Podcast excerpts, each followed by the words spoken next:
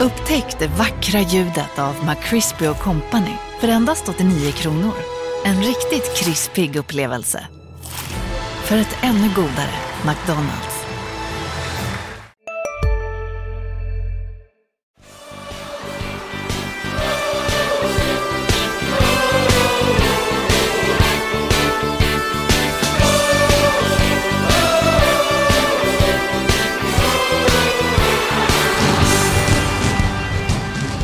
Hej och hå allesammans! Eh, välkomna till eh, ett nytt avsnitt av Landskrona Boys-podden. Jag, Erik Persson, sitter på en stol här i poddstudion. Sebastian Rönnström sitter här också som vanligt och vi har kryddat det här avsnittet med Gabriel Olsson, HDs nya supertalang, inhyrd från eh, Ljungskiles folkhögskola på praktik här, frilansar normalt sett för oss, har avslöjat några boysnyheter under vintern också.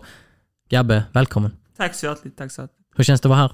Fantastiskt, kul att sitta här med, med dig och Sebbe. Två eh, förebilder skulle jag kalla det. Oj. Fick ni den också? Välkomna till det, hyllningspodden. Så man, man blir lite generad här. Ja, lite, lite gåshud så här ja, i början. Eh, det har gått några dagar sedan eh, Boys eh, premiärförlust hemma mot Öster. 1-3 stod det på resultattavlan när domaren blåste av. Vi ska så snar, såklart eh, snacka ner eh, matchen och blicka framåt för om bara ett par dagar så väntar Skövde, obehagliga Skövde, på eh, bortaplan. Eh, vi ska även prata om en eh, gammal eh, boysprofil och eh, ja, ditten och datten. Vi, vi kör helt enkelt. Vi tar avstamp eh, kring eh, måndagen den 4 april 2022. 19.00 var det avspark mellan eh, Boys och Öster. Det gick inte som det var tänkt i eh, Boysland. Sebbe, vad såg du och vad såg du inte? Ja, men det jag såg var en, eh, en första halvlek eh, där jag hade lite svårt att känna igen eh, boys. Framförallt var det ju det som vi, vi har pratat om i, i andra forum också, pressspelet som jag reagerar på. Det var, Med andra forum menar alltså Sebbe hd.se men precis. i tv-form. Precis, mm. precis. nej men just i, i pressspelet, boys var förvånansvärt eh, och osedvanligt eh, passivt kändes det som. Man, man sjönk tillbaka ganska lågt. Det var inte den höga och intensiva pressen som kännetecknar Boys förra säsongen utan här, eh, här släppte man över initiativet lite mer till öster.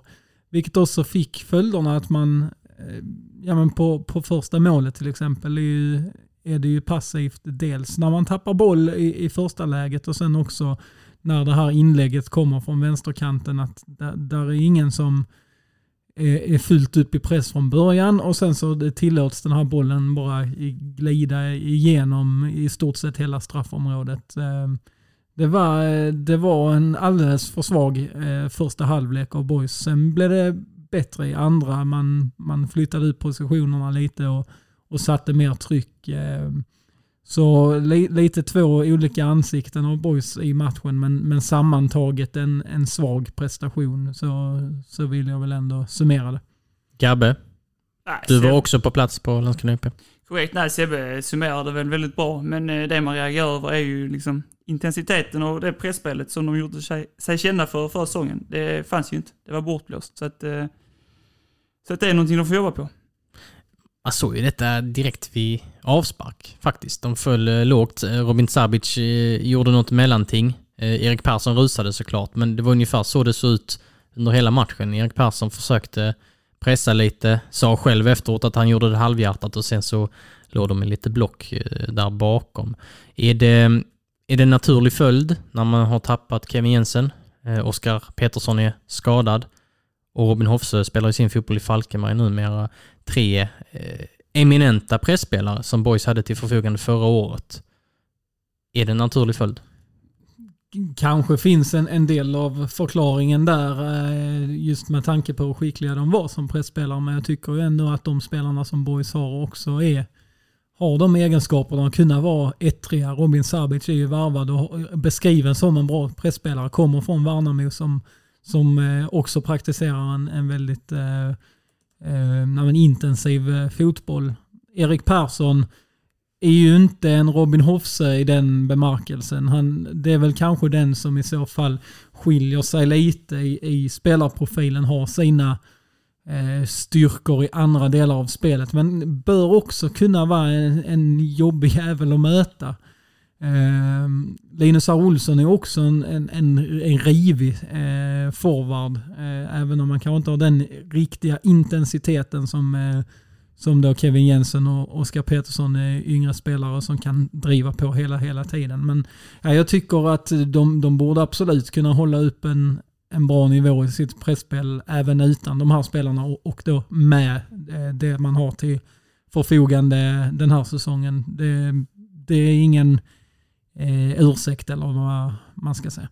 Du och jag Sebbe, vi var ju så någon U21-match för några veckor sedan och det har varit några andra träningsmatcher när vi har reagerat på just det här att pressspelet inte riktigt har bitit och det ska bli intressant att se om detta var en engångsföreteelse i, i Superettan här nu i början, att man anpassade sig mycket till, till eh, motstånd och så vidare, för det kändes ju som det var en tydlig del av eh, ja, men eh, matchplanen helt enkelt. Eh, om det handlar om eh, premiärnerver och sånt. Jag har ju svårt att liksom dra in det argumentet. Jag vill hellre koppla det mot, mot matchplanen. Det ska bli intressant att se hur man gör mot Skövde och även, även fortsättningsvis. Ehm, det blev ju ingen munter boysafton, men kan man ändå lyfta några individer här, Gabbe, som du ser det som, som gjorde det ganska bra? Målvakten Amor tyckte jag gjorde det bra. Eh, han gör en magisk räddning när det står 1-1 tror jag. Eh, vad finns det mer? Plocka fram Persson gör mål. Det är väl alltid bra för en målskytt gör mål. Eh, Ottosson tycker jag, man vet alltid vad man får av Ottosson. Så att eh, han gjorde inte bort sig. Eh, men sen tar det nog slut. Det är nog de tre som jag kom på så här på rak arm som, eh, som stack ut. Albin Linnér eh, kan jag känna kan vara kanske värt lite, lite beröm. Eh, lite Intressant att han gick före Jesper Strid. Jesper Strid startar ju eh, betydligt fler matcher på, på försäsongen. 9 av 12 stycken. 9 av 12 stycken ja. Så eh, li, lite förvånad där. Jag trodde ju att Jesper Strid skulle starta med, och jag tycker att han har sett väldigt bra ut på försäsongen. Det är ju även Albin ner i, i några matcher men kändes som att Strid låg längre fram än vad Linnér gjorde men därav eh, eh, kul att se att Linnér tog för sig så mycket som han gjorde. Framförallt första halvlek hade han just jättestora ytor på högerkanten som Boys inte utnyttjade. Där kunde man eh, ha fått med honom mer i spelet för att kunna trycka upp laget eh, ännu mer. Så annars håller jag med, med Gabbe där. Kadura eh, gjorde ju en väldigt bra match och, och höll ju Boys kvar med sina, med sina räddningar och det kan ju vara väldigt skönt för honom. Trots att han då släpper in tre mål, men de ska inte han lastas för. Så så kan han ju ändå eh, ta med sig en positiv eh, insats eh, sett till ja, men där han kommer ifrån med, med en del kritik från förra säsongen. Eh, att han får, får starta med en, en bra match. Filip Ottosson är jag också inne på. Det är ju en ruggigt klok eh, spelare som jag har tyckt om i många år. Eh, jag tycker han håller hög klass på superettanivå. Intressant nu att han är i den nya rollen som han ju Eh, Eh, kom in i sent i höstas när Somal Madjed var skadad. Sen försvann Somal Madjed till rivalen HIF och nu har Filip Ottosson blivit liksom den, den interna lösningen på detta trots att man har värvat eh, Nikola Ladan. Eh, det var ju också Filip Ottosson som föranledde målet med sin långa tidiga boll ut mot Tekacius och det fina inlägget och så den hårda nicken från Erik Persson. Det var några fler sådana crossbollar. Enligt Y-scout var ju Filip Ottosson 100% i, i sina crossbollar och mm, man vill ju få ut hans eh, känsliga fot även när han har en mer tillbakadragen roll och vi fick se prov på det i, i andra halvlek att eh, eh det, ja, man, man kan nyttja den eh, trots att han spelar som sexa. Adam Egnell eh, inledde matchen pikt eh, tycker jag. Eh, den, den som kändes svagast av de tre på mitten var ju faktiskt den som, som vi har lyft fram väldigt mycket här under lång tid. Melker Heijer, han, han hade inte en av sina bättre dagar på jobbet. Där, där finns ju mer att ta av till kommande matcher givetvis. Ja, han hade en väldigt låg utgångsposition. Vi pratade med Melker Heijer om det efter matchen mot Varberg, träningsmatchen, när, när Alexander Tkac eh, var... Joao eh, Cancelo kom in eh, centralt i banan som den vänsterbacken han är och opererade som en central mittfältare. Vänsterforwarden Camille Jebara slickade linjen väldigt högt och Melker Heier kom in i en, en, en ja, men nummer 10-ytorna så att säga. Nu fick vi inte riktigt se det. Han, han kom inte alls loss, var, var anonym. Också en detalj som jag fastnade lite för. Robin Sabic hade ingen bra match. Men hittade lite fler centrala ytor efter paus. Det känns som de korrigerade det, för just de ytorna värnar ju Billy Magnusson och Max Mölder om väldigt mycket. Där de ytorna ska ytterforwardsen hitta. Och det blev ju dessutom ett avslut eh, när var det? 48, 49, 50 minuten eh, någonstans där. Ett ganska hårt avslut från Sabic där han hittade just den eh, ytan efter ett instick från Filip Andersson. Så redan där började man se lite fler tendenser och började känna igen boys. Jag kände inte igen boys första 45 minuterna. Det gjorde nog ingen på, på hela IP skulle jag säga. Men om vi backar tillbaka lite till mittfältet. Så jag vet inte om ni håller med mig, men jag ser ingen riktig bollvinnare på det där mittfältet med Egnell, Haj och Utzon. Mm, Nej, eh, så är det ju. Samtidigt såg man inte att Zuma Almadjed skulle bli en bollvinnare heller. Eh, när jag såg honom spela division 2-fotboll i Höganäs så kunde han ja, knappt vinna en duell kändes det som. Han blev ju den eh, bollvinnaren tack vare sin smarta hjärna, att han var steget före och var väldigt eh, eh, ja, men klok. Bra speluppfattning även eh, utan boll. Och där borde väl Filip Ottosson ändå kunna ha någonting, även om han inte har de fysiska attributen. Men absolut, det är ju en, det är en spaning som är, som är intressant. Sen, sen tycker ändå förra säsongen, rätta mig om jag har fel, men att Melker Heier visade en del tendenser i duellspelet trots att han är den lilla killen. Eh, han har dessutom byggt på sig lite, lite muskelmassa under vintern och eh, ska han nå de höga höjder som vi spår att han ska nå så bör han ju kunna vinna lite boll då och då också. Ehm, men eh, det är, ja, det är inte det tyngsta inom mittfältet om man säger så. Nej, det är det inte och då vill det ju då till att, eh, att de kanske alla delar lite på det här ansvaret att, eh, att kunna vara bollvinnande eh, så att, så att inte allt hamnar i, i händerna på, eller i, i knät på Filip Ottosson att, att täcka upp defensivt där i, i de skedena. Vi har varit inne på anfallets pressspel, mittfältets bollvinster som uteblev. Vad säger vi om backlinjen? Eh, jag skulle precis ta upp det. Eh, Egentligen, nu pekar ju inte strålkastarna bara mot eh, backlinjen utan det är en del av försvarsspelet. Men vid 2-1 målet så var det, det var alltså nio spelare i straffområdet, i eget straffområde. Kamil Jabara stod precis vid straffområdeslinjen. Det var bara Osmane Diawara, forwarden som hade kommit in, som, som inte var liksom vid händelsernas centrum. Ändå kunde Öster typ stå och bolla gris och göra mål. Eh, tätt framför där. Eh, och Billy Magnusson var inne på det efter matchen också, att Boys var inte bra i eget straffområde. Och det, det målet var ju, ja det var många talande sekvenser i, i den här matchen, men det var ju, ja, det var helt otroligt när, när, jag, när, när jag räknade dem. Ja, det, det är ju hela laget som stod där. Ja, det, alltså, det, det är två mål där som första och eh, andra där det, det är för passivt. Eh, inte bara i, i pressspelet då. Utan Nej, i så många led, i alla led egentligen. I eh, straffområdet. Alltså mm. när det på riktigt bränner till, då, då, då måste bollen ska bara bort. Punkt slut. Och, och det, ja, det, var, det var helt enkelt för svagt där vid, i samband med, med de målen. Varför tror ni det ser ut så här? Det är någonstans en premiär hemma liksom. Vill man inte visa upp sig mer för publiken? Jo, det är klart. Alltså, när det ser liksom så här, eh, jag tyckte det såg ganska yrt ut. Ehm, framförallt då i första halvlek och sen som det här vid 2-1 målet och sen, sen att Tekac Catch snubblar i mm, tilläggstid när de ska forcera och så, och så sticker Öster upp och gör 3-1. Det var ju mer liksom en talande sekvens. Ah, det var en sån dag. Men eh, vad var din fråga nu? Ja, vad var den? Varför tror ni det ser ut så här? Varför ja, är det så här jo, det, jo, det jag skulle komma in på. Eh, man, jag vill ju liksom inte peka på att ja, men, de vill inte tillräckligt. Det var, ju, det var ju vissa sekvenser där det fan visar lite jädra anamma. Men jag, jag, jag vet inte riktigt liksom matchplanen, hur den var, om det fanns någon otydlighet eh, inblandat. Eh, att det är till delar eh, liksom ett, ett nytt lag och att, att de, de, de kände sig, eh, att de inte kände sig helt trygga i sina roller och då kan det ju ofta se passivt ut, yrt ut och eh, oinspirerat ut. Jag vill inte säga att det var oinspirerat för de vill väl precis lika mycket som Österspelarna men de förmådde inte att visa det.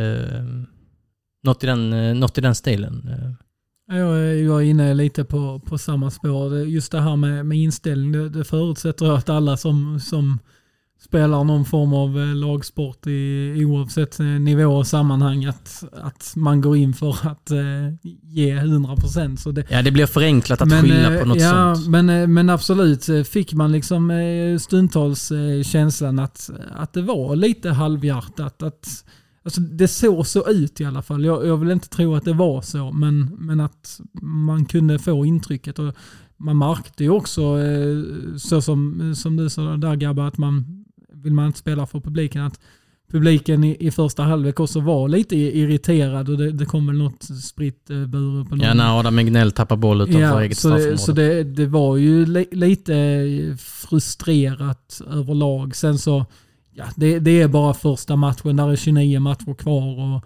och när jag tänker tillbaka på förra årets premiär, förutom att Boys gjorde en väldigt bra match då, så tänker jag ju på hur svagt Värnamo såg ut i den matchen. Eh, sen utvecklades ju deras säsong sig på ett eh, helt annat sätt eh, och de gick och blev överlägsen seriesegrare. Så ja, det, det, man ska kanske inte dra för stora växlar, men det, det är klart att ja, man kan konstatera att den här matchen som, som enskild var, eh, var en svag eh, prestation.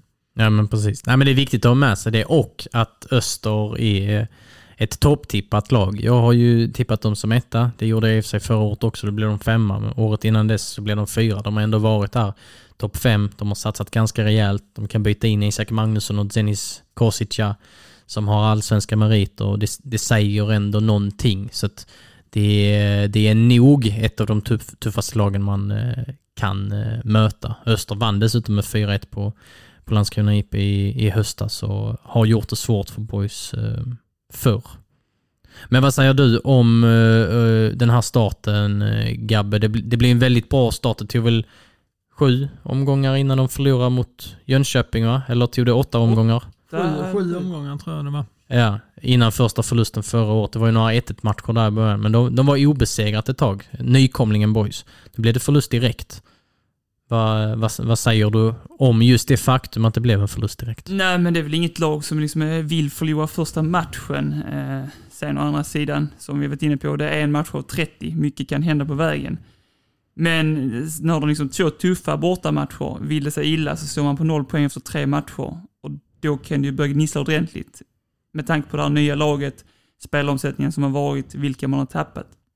Så att, att vinna på, på, på lördag mot Skövde, den är ju viktig. Ja, och det är ju intressant. Två raka bortamatcher. Skövde, en nykomling som vann i, i, i Östersund nu. Antagligen en pigg nykomling. Jag tror att de kommer att vara ganska bra i år. Eh, och Eskilstuna, som ju vann mot Jönköping. Jönköping som tippas i toppen av många. Och Eskilstuna, eh, ett väldigt bra... säsongen var, var bra på... Precis, ett väldigt bra hemmalag förra året. Så att det här är ju inte bara två raka bortamatcher, utan det är två obehagliga bortamatcher. Och Boys, sämst i klassen vad gällde spel på bortaplan förra året. Ja, och just kopplat till då, vi, alltså Skövde, en pigg nykomling och, och farligt lag så att möta och AFC starkt på hemmaplan förra säsongen. Men det är också två lag som är tippade kanske lite längre ner i tabellen. Det är ju inte de de allra tuffaste motståndarna så sett. Så, alltså, vi, vi, så, jag vill bara säga, Eskilstuna vet man ju, ja, som inför varje säsong, det kan ja, det, de kan ju bli gå, etta och de kan bli sist. Alltså ja, lite så känns det. Det är alltid svårt att, att, bedöma dem, men det är ju inte de på pappret starkaste lagen. Så, så Boys bör väl få med sig lite poäng här eh, från de två matcherna om, om, om det inte ska, eh, ska kännas som en, eh, en tuff start här.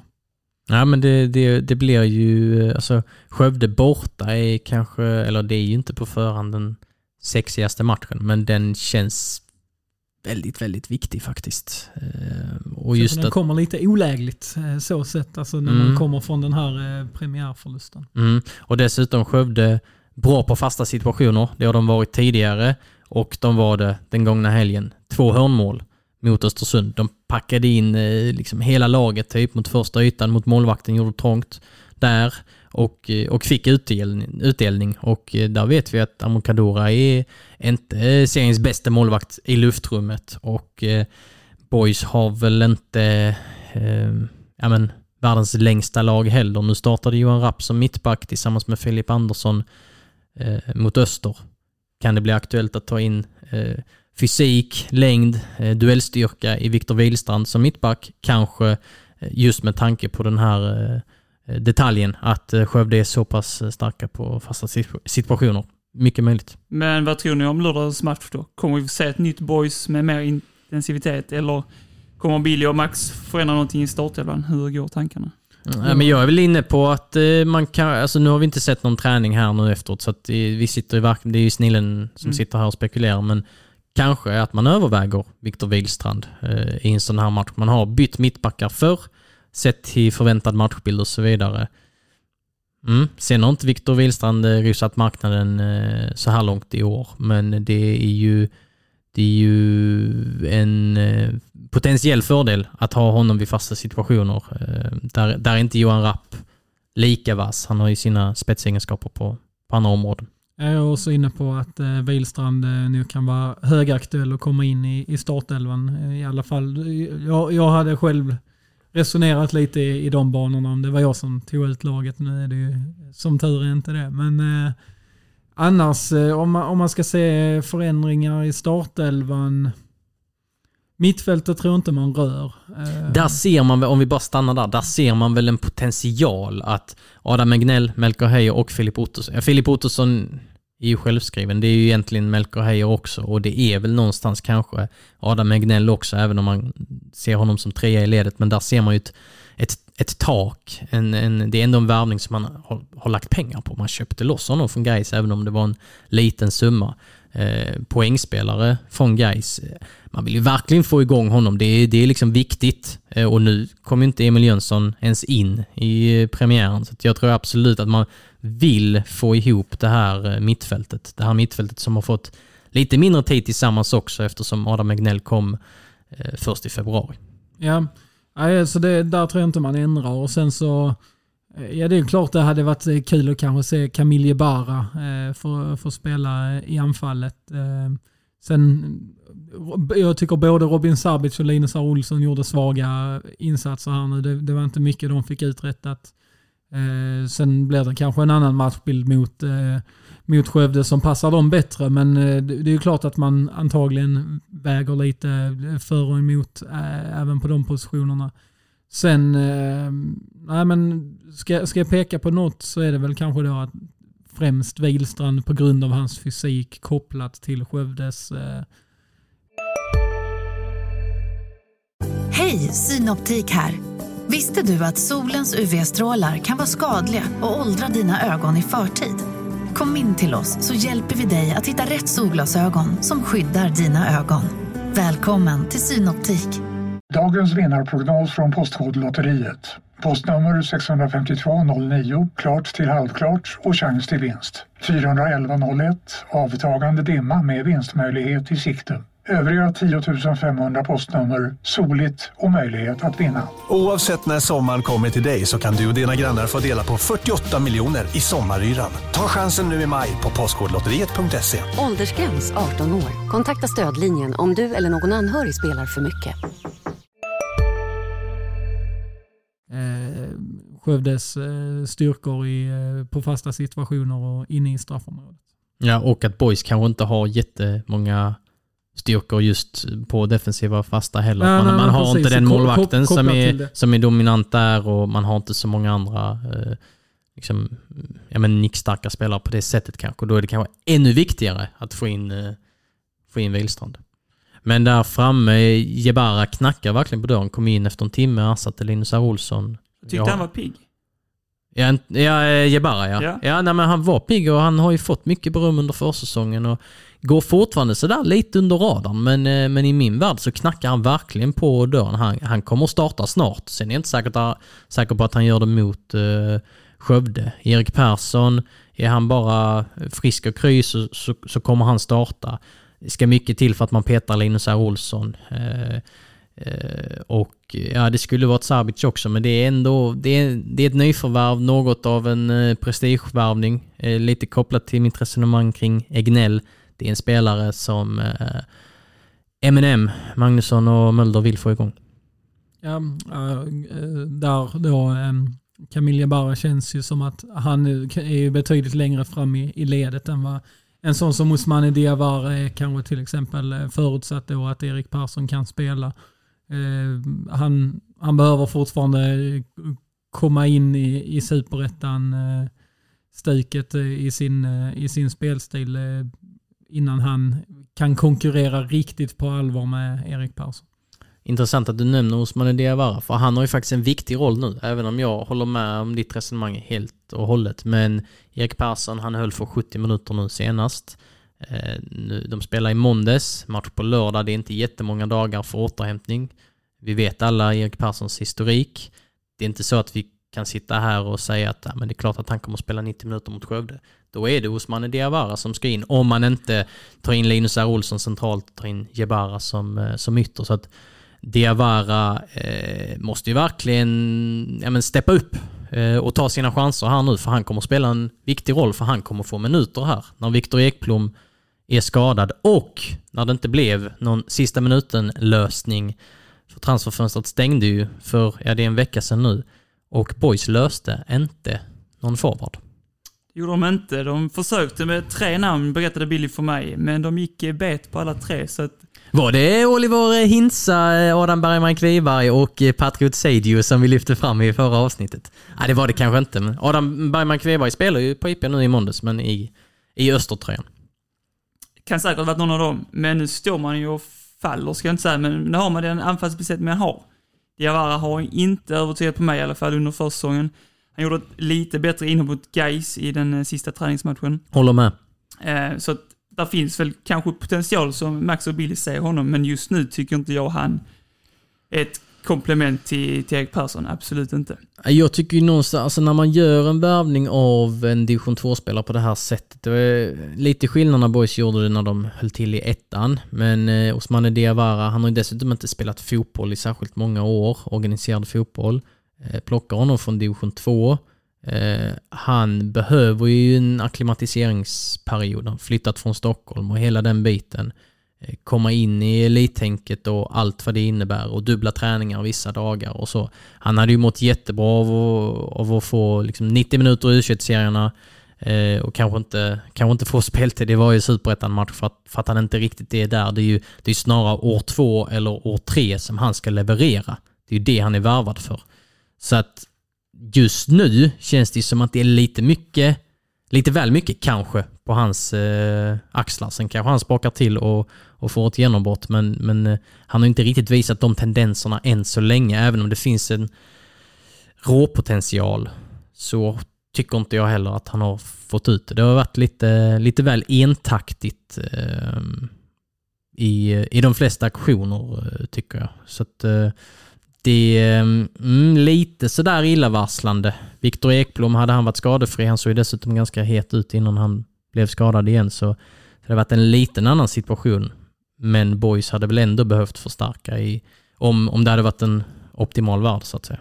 Ja, nej men absolut. Eh, just med tanke på att eh, samtliga tre eh, centrala forwards i truppen bär på frågetecken av olika anledningar så hade det ju varit skönt för boys att ha något lite säkrare kort att kunna spela ut när det väl behövs. Ja, och Linus R. Olsson skulle kunna vara då det fjärde alternativet, att han går in centralt. Men, men har också haft varit frånvarande bitvis under försäsongen och hade ju skadeproblem förra säsongen också. Så, så där är ju, det, det är ju också en spelare som, som haft sin beskärda del av skador och som ja, det, det, det är väldigt många i den eh, kategorin eh, just bland de offensiva spelarna. Ja, och startar Erik Persson eller Linsa Olsson så kan man inte liksom eh, ja, men garanterat båda håller för 90 så att eh, går Persson ut så kanske Linus Olsson också måste gå ut annars hade han kunnat ta den platsen men då hänger det också ihop med att Kamil Jebara måste, måste vara sprakande och het för att då, då ska han eh, få speltid. Så, så många andra alternativ har man ju inte där framme nu. Eh, Jakob Blixt är ju, har varit skadad i en evighet känns det som. Det har han inte. Han gjorde några minuter under, under eh, försäsongens tidiga skede. Han fick ju några minuter som ytterforward förra året men är väl främst tänkt som åtta. Samtidigt är där kanske ganska trångt då. Eh, så kanske att han kan bli en gubben i lådan eh, som, eh, som ytter. Men ehm, roligare än så ser det ju inte ut eh, att vara Ehm, just nu. Hur, hur, hur mycket tror ni att det kommer påverka att det inte blev någon Patriot Sadio eller Adam Bergman McVeberg eller ja, vilka de nu sökte efter?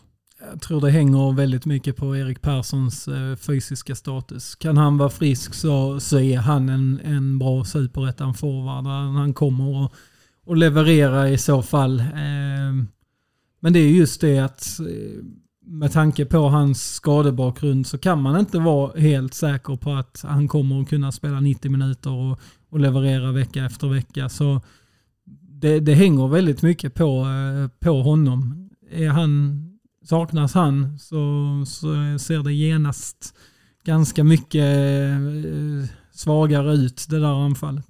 Jag snackade med Bill Magnusson om detta förra veckan, att det inte blev någon varvning. Och han, eh, han sa att han var hur lugn som helst och han hade förtroende för de här spelarna som jag nämnt, Blix, Oskar Pettersson, eh, Jebara och så vidare. Och så vidare. Ja, såklart. Oskar Pettersson kan ju också bli en gubben i lådan, även om han väl först kommer tillbaka i Mitten av sommaren? Ja, maj, juni någon gång tror jag första prognosen var. Jag vet inte om det har blivit något bakslag, men det är ju en bit, eh, bit därifrån. Förlåt att jag avbröt, jag Ingen fara. Han, eh, hur som helst, Billy Magnusson var lugn, kände ingen stress över situationen. Så att det får man någonstans liksom lita på. Att det är han som bestämmer, han och Max. Så känner de sig lugna och har koll på läget så, så är det väl så det är. Samtidigt, det vore anmärkningsvärt om han sa att han var orolig. Du har helt rätt. Ja. Men eh, jag tror nog att det finns eh, ja, han, han, om han inte är orolig så finns det väl, eh, ja det finns väl funderingar. Jag tror ändå han gnuggar sina geniknölar eh, kring detta. Eh, de ville ju trots allt lösa någon. Så att det blev ju uppenbarligen inte riktigt som, eh, som de ville. Men det ska bli intressant att se. Camille Jebara exempelvis, han måste ju ta steg nu. Han måste kunna bli en startspelare i Superettan. Eh, så att ehm, det, ehm, ja, det hänger, det hänger mycket på de offensiva där nu och Robin Sabic gjorde inte många startmatcher för Värnamo förra året, var ju en supersub. Nu så ska han bära det här anfallet tillsammans med några andra. Också ny erfarenhet för honom. Så att eh, det ska bli väldigt intressant att se hur de svarar upp på det. Det är ett gyllene tillfälle för de här spelarna att nu be be bevisa hur, hur bra de är och, och eh, verkligen, för de kommer ju få chanserna. Så det finns ju inte mycket att, att, att klaga på på det sättet utan det är, är fritt fram och, och eh, visa vad man går för helt enkelt. Eh, kan vi eh, stanna lite vid expected goals bara? Eh, Öster eh, hade 2,92 i expected goals, alltså förväntade mål och Boys 0,50 enligt Y-scout. Vi kan väl kolla på lite lyckade aktioner också. Y-scout sammanställer ju alltid det efter varje match. Eh, ta det med en nypa salt, men, men eh, så här ser det ut i eh, vad gäller lyckade aktioner mot Öster för boyspelarna. Eh, Albin Linnér hade 59% lyckade aktioner. Filip Andersson 91, Johan Rapp 88. Då ska vi ha med oss att mittbackarna brukar ha högt i det här. Eh, Alexander Tkac 67%, Adam Engnell 80%. Filip Ottosson 77%, Melker Heier 75%, Robin Zabic 59%, Erik Persson 30%, Linus R. Olsson 34%. Ta det med en nypa salt, men vad reagerar ni på något? De två sista där, Linus R. Olsson och Erik Persson, det är inga smickrande siffror precis. Och då gör ändå Erik Persson mål. Så att det sätter väl någonstans fingret på prestationen från dessa två herrar i måndagens match.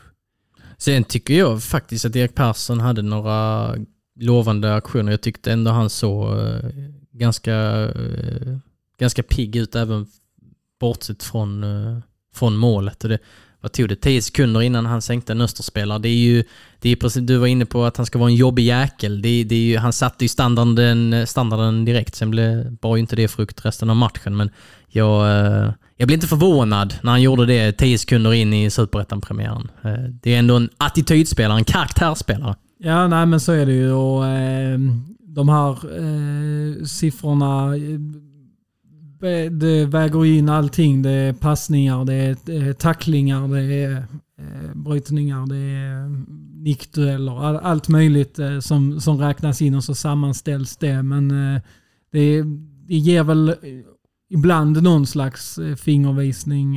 I alla fall ser man det över tid brukar det väl vara mer intressant att, att kika på de siffrorna. För sen eh, i Y-scout där som vi använder oss av, där sammanställs också ett index eh, med vilka spelare eh, i totalt i hela serien som har bäst siffror sammanlagt i, i alla möjliga kategorier. Och där var det ju förra säsongen flera boysare som stack ut i flera olika kategorier. Viktor Wihlstrand var väldigt skicklig i huvudspelet till exempel. Filip Ottosson och Filip Olsson var ju högt eh, rankade bland mittfältarna i serien. Så där är, eh, över tid brukar det bli, bli väldigt intressant att, att se vad, vad de siffrorna säger. Ska vi gå in på vår eh, stående programpunkt eller har ni något annat att tillägga innan dess? Publiksiffran kan vi väl bara nämna också. Nämn det. 2048 tror jag det var. En superettan-premiär. Covid-restriktionerna är borta. Visst, äh, vädret var som det var, men är det inte slående dåligt? Alltså... Mm, ja, ja, det, är väl... Inte, inte kanske någon större katastrof så det är väl ungefär där det låg i flera matcher, eller några av de matcherna där det inte, när det fick vara full publik förra säsongen också. Men visst, det är en premiär.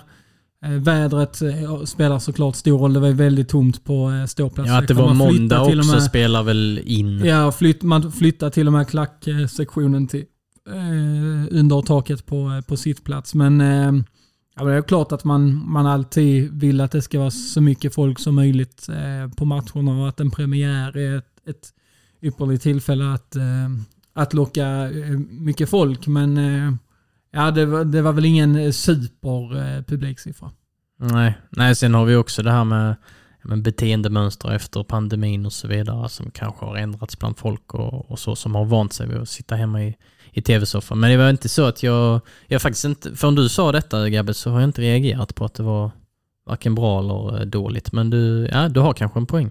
Men hur som helst, nu går vi över till den stående programpunkten. Eh, veckans eh, ex-boysare och eh, vi har plockat den här ex-boysaren från eh, ja, men modern tid. Det var inte jättelänge sedan han sprang runt i en randig tröja på Landskrona IP. Vi snackar om en högerback med Helgarps IF som moderklubb. Då kanske någon tror att vi pratar om Dennis Olofsson som lämnade i vintras för Lunds BK, men nej.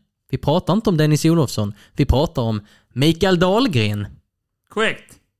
Högerbacken. Kapten var väl också något år? Det var han och sen blev det lite det turbulent om man säger så. Eh, och han eh, lämnade ju Boys och eh, hamnade i Hittarp och spelar nu i Borstahusens BK och han eh, är ju tränare i Borstahusens BK och det är ju så att det är en person i den här eh, poddstudion som eh, ja, har Borstahusens BK som moderklubb och fortsatt är aktiv i detta stjärnspäckade division 4-lag. Så är det ju. Gabbe, du har Mikael Dahlgren som tränare. Hur, hur är det? Fantastiskt skulle jag säga. Nej, men nu måste jag ju säga så att jag får spela till helgen, tänker jag. Annars bänkar ju den gode Micke mig. Nej, men Micke är bra. Han är bra. Han vill spela en eh, passningsinriktad fotboll. Så nu under försäsongen, jag tror vi inte har jobbat med något annat än två touch. Har han två tagit touch. Eh, inspiration eh, lite från Landskrona Boys sätt att spela kanske? Jättebra fråga. Jag får nog fråga han på trä nästa träning, men jag kan inte ge något rakt svar här och nu. Om jag läser lite till här Eh, Eh, bland hans eh, klubb-CV så läser jag Landskrona Boys, eh, en utlåning till IFK Hässleholm, Gais, Ängelholms FF, Landskrona Boys igen, Hittar Psyko och så Borstahusens eh, BK. Vad minns du av hans karriär, eh, Gabbe? Det första minnet som kom upp, det är de två tunnlarna i Svenska cupen eh, kvalet var det väl? Som man gör på IPD mot Malmö. Jag kommer inte ihåg exakt. Vem. var inte kval, ja, kval till gruppspel. Ja. Ja. Första, andra omgången då. 25 augusti va? Eh, 3-1 slutar matchen. 2016. Ja. Eh, så de två tunnlarna är väl det jag minns tydligast. Det har liksom bara satt sig på näthinnan. Så att, eh, Han hade väl det lite som signum också, att han eh, var lite, trippade lite lätt och eh, gjorde en liten tunnel eller Marocko-finten. Eh, eh, gjorde han många gånger i, i AFF också, där jag såg honom spela väldigt många gånger. Var ju eh, med i det AFF-laget som, som slogs i toppen av, eh, av Superettan och så kvala till, eh, till Allsvenskan. Det var ju också ett profiltätt lag som eh, hade där. Mm. Bland annat Gabriel Okar som vänsterback som också har ett förflutet i Boys. Exempelvis. Bara en sån sak. fantastisk spelare. Bara en sån sak. Men du Gabbe, det är ju, det är ju så att vi måste ta upp, ta upp en grej. För vi, eh, jag och Sebbe nämnde ju dig i podden för ett par veckor sedan. Och, och berättade då, eller vi avslöjade att du har alltså provtränat med Ljungskile. Det är helt korrekt. Som eh, spelar i ettan och ja, de siktar väl på superettan igen och De allsvenskan. första matchen med 4-3. Ja, jag såg detta och då tänkte jag på dig. Men kan inte du berätta? För du, alltså, du, du har spelat i Borsthusens BK i hela, i hela ditt liv. Korrekt. Och så en fredagkväll Ja. så, så ringer Ljungskile SK och frågar om du kan eh, spela en match med Ja. dem mot Grebbestad. Ja. Det var bara några veckor sedan. Be, 12 berätta. mars eh, var matchen. 11 mars så ringer det telefonen fredag kväll. Eh, precis kommit hem från skola eller jobb eller vad det var. Så, så jag svarar inte liksom. Jag känner att jag orkar inte ta det samtalet nu. Klicka av det. Så jag ringer det på telefonen igen. Svarar jag, det är Gabbe. Ja, så är det någon i andra änden då som förklarar att han vill att jag ska spela med det här Ljungskile SK då liksom. En träningsmatch. Vem var det? Oh, du säger det. Det var någon i ledarstaben, men jag, jag vet fortfarande inte vad han heter. Det är väldigt mycket som är oklart det här liksom. Varför just jag? Varför? Liksom. Så att, eh, så att jag, jag svarar liksom och så förklarar han då liksom läget. Så jag bara, ja jo det kan jag väl göra liksom. Jag är en division 4-spelare på min höjd. Men visst, vill ni att jag spelar liksom ert elitlag så absolut. Så att eh, jag körde upp där lördag morgon var det ja. eh, Upp till Grebbestad. Fyra timmar i bil. Eh, Fantastiskt väder, bra musik i bilen. Eh, gick in i omklädningsrummet, fick väska nummer 21 tilldelad. Där fanns allt man behövde. Eh, och sen Erik Lund, tränaren. Nu sitter Erik och ler här i studion. Så Ja, men detta är ju underbart. Erik Lund som förflutet i IFK Göteborg och var ungdomsproffs i Aston Villa och ja, fick mycket kritik efter någon premiärmatch eh, på Södertälje Arena mot eh, Syrianska minns jag. Det är bara meriterade tränare som eh, Gabbe spelar för. Ja, verkligen. Vi ser ett tydligt mönster här. Ytterbackar dessutom. så, var var vi någonstans? Jo, väska nummer 21 hade jag fått. Eh, och Erik Lund, ja, han drog då en fem minuter lång genomgång med alla möjliga tänkbara klyschor liksom. Sen var det ut på uppvärmning där. Eh, man var ju nervös, absolut. Eh, och sen började matchen och jag tror Ljungskile gick upp till 4-0 efter 20 minuter. Och det kändes rätt skönt faktiskt. För att komma in där när det står 1-1 liksom och det var kanske inte det man ville precis. Eh, men sen efter paus så kallade han till mig liksom att jag är upp och varm nu. Eh, så jag bara, ja absolut. Och sen så tog det väl en kvart sprang jag där längs sidlinjen och sen så kallade han till mig igen. Så fick jag se en perm då på de fasta situationerna, vilka ansvarsområden som var mina. Och sen sist han sa, gå nu ut och spela ditt spel. Och då tänkte jag liksom, nej, det kan jag inte ska göra. Jag har spelat division 4 som högst. Vet Erik Lund vad ditt spel är egentligen? Tveksamt. Jag vet, jag vet knappt själv vad mitt spel är. Eh, Men in kom jag där efter en timmes spel och så sprang jag där en halvtimme. Ja, det är helt, en helt magisk historia. Du, du fick inget eh, kontraktsförslag? Nej, det har inte, det har inte kommit än, men de får ta det med min, ag- med min agent, jag tänker. Jag eh, har ju en del eh, ja, men, kontakter i fotbollsbranschen. Jag har ju hört att Grebbestad ringde dig sen också. Korrekt. De ringde då veckan efter för att de ville spela med dem istället. Men då kände jag att eh, den här, det, var ingen, det är ingen elitförening och att åka 40, eh, 40 timmar, fyra timmar upp, det gör jag inte om. Men varför Ljungskile? Alltså hur fick de nys? Eh, Nej, men just jag pluggar ju där uppe som du nämnde i början. Så har jag börjat träna med ett lag där uppe liksom, bara för att inte göra på kvällarna. Och, och vi har ju tränat jämte deras A-lag då, Ljungskiles A-lag.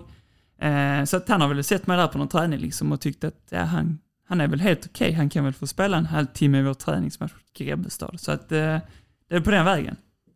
Håller du på Ljungskile SK hädanefter här nu?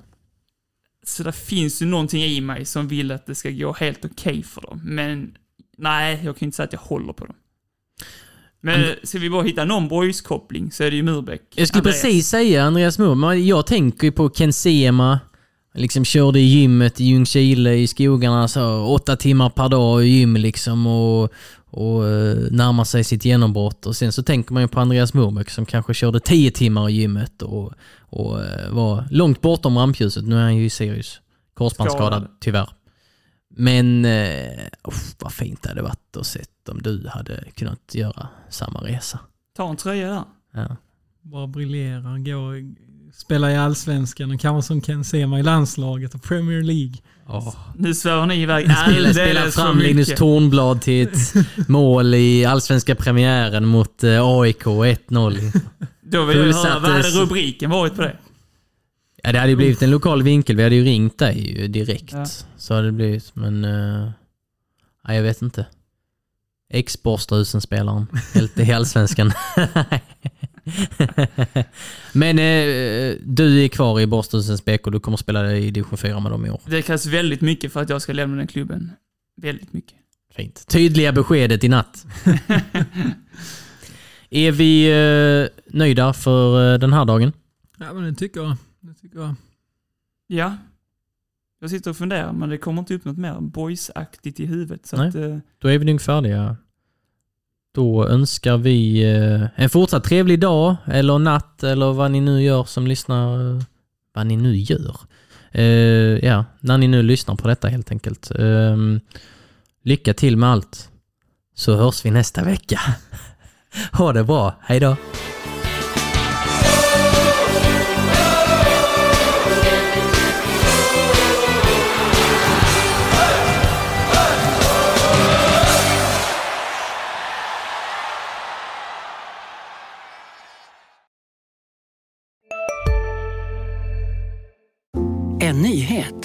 Nu kan du teckna livförsäkring hos Trygg-Hansa. Den ger dina nära ersättning som kan användas på det sätt som hjälper bäst. En försäkring för dig och till de som älskar dig. Läs mer och teckna på trygghansa.se. Trygg Hansa. Trygghet för livet. Just nu till alla hemmafixare som gillar Julas låga priser. Ett borr och bitset i 70 delar för snurriga 249 kronor. Inget kan stoppa dig nu.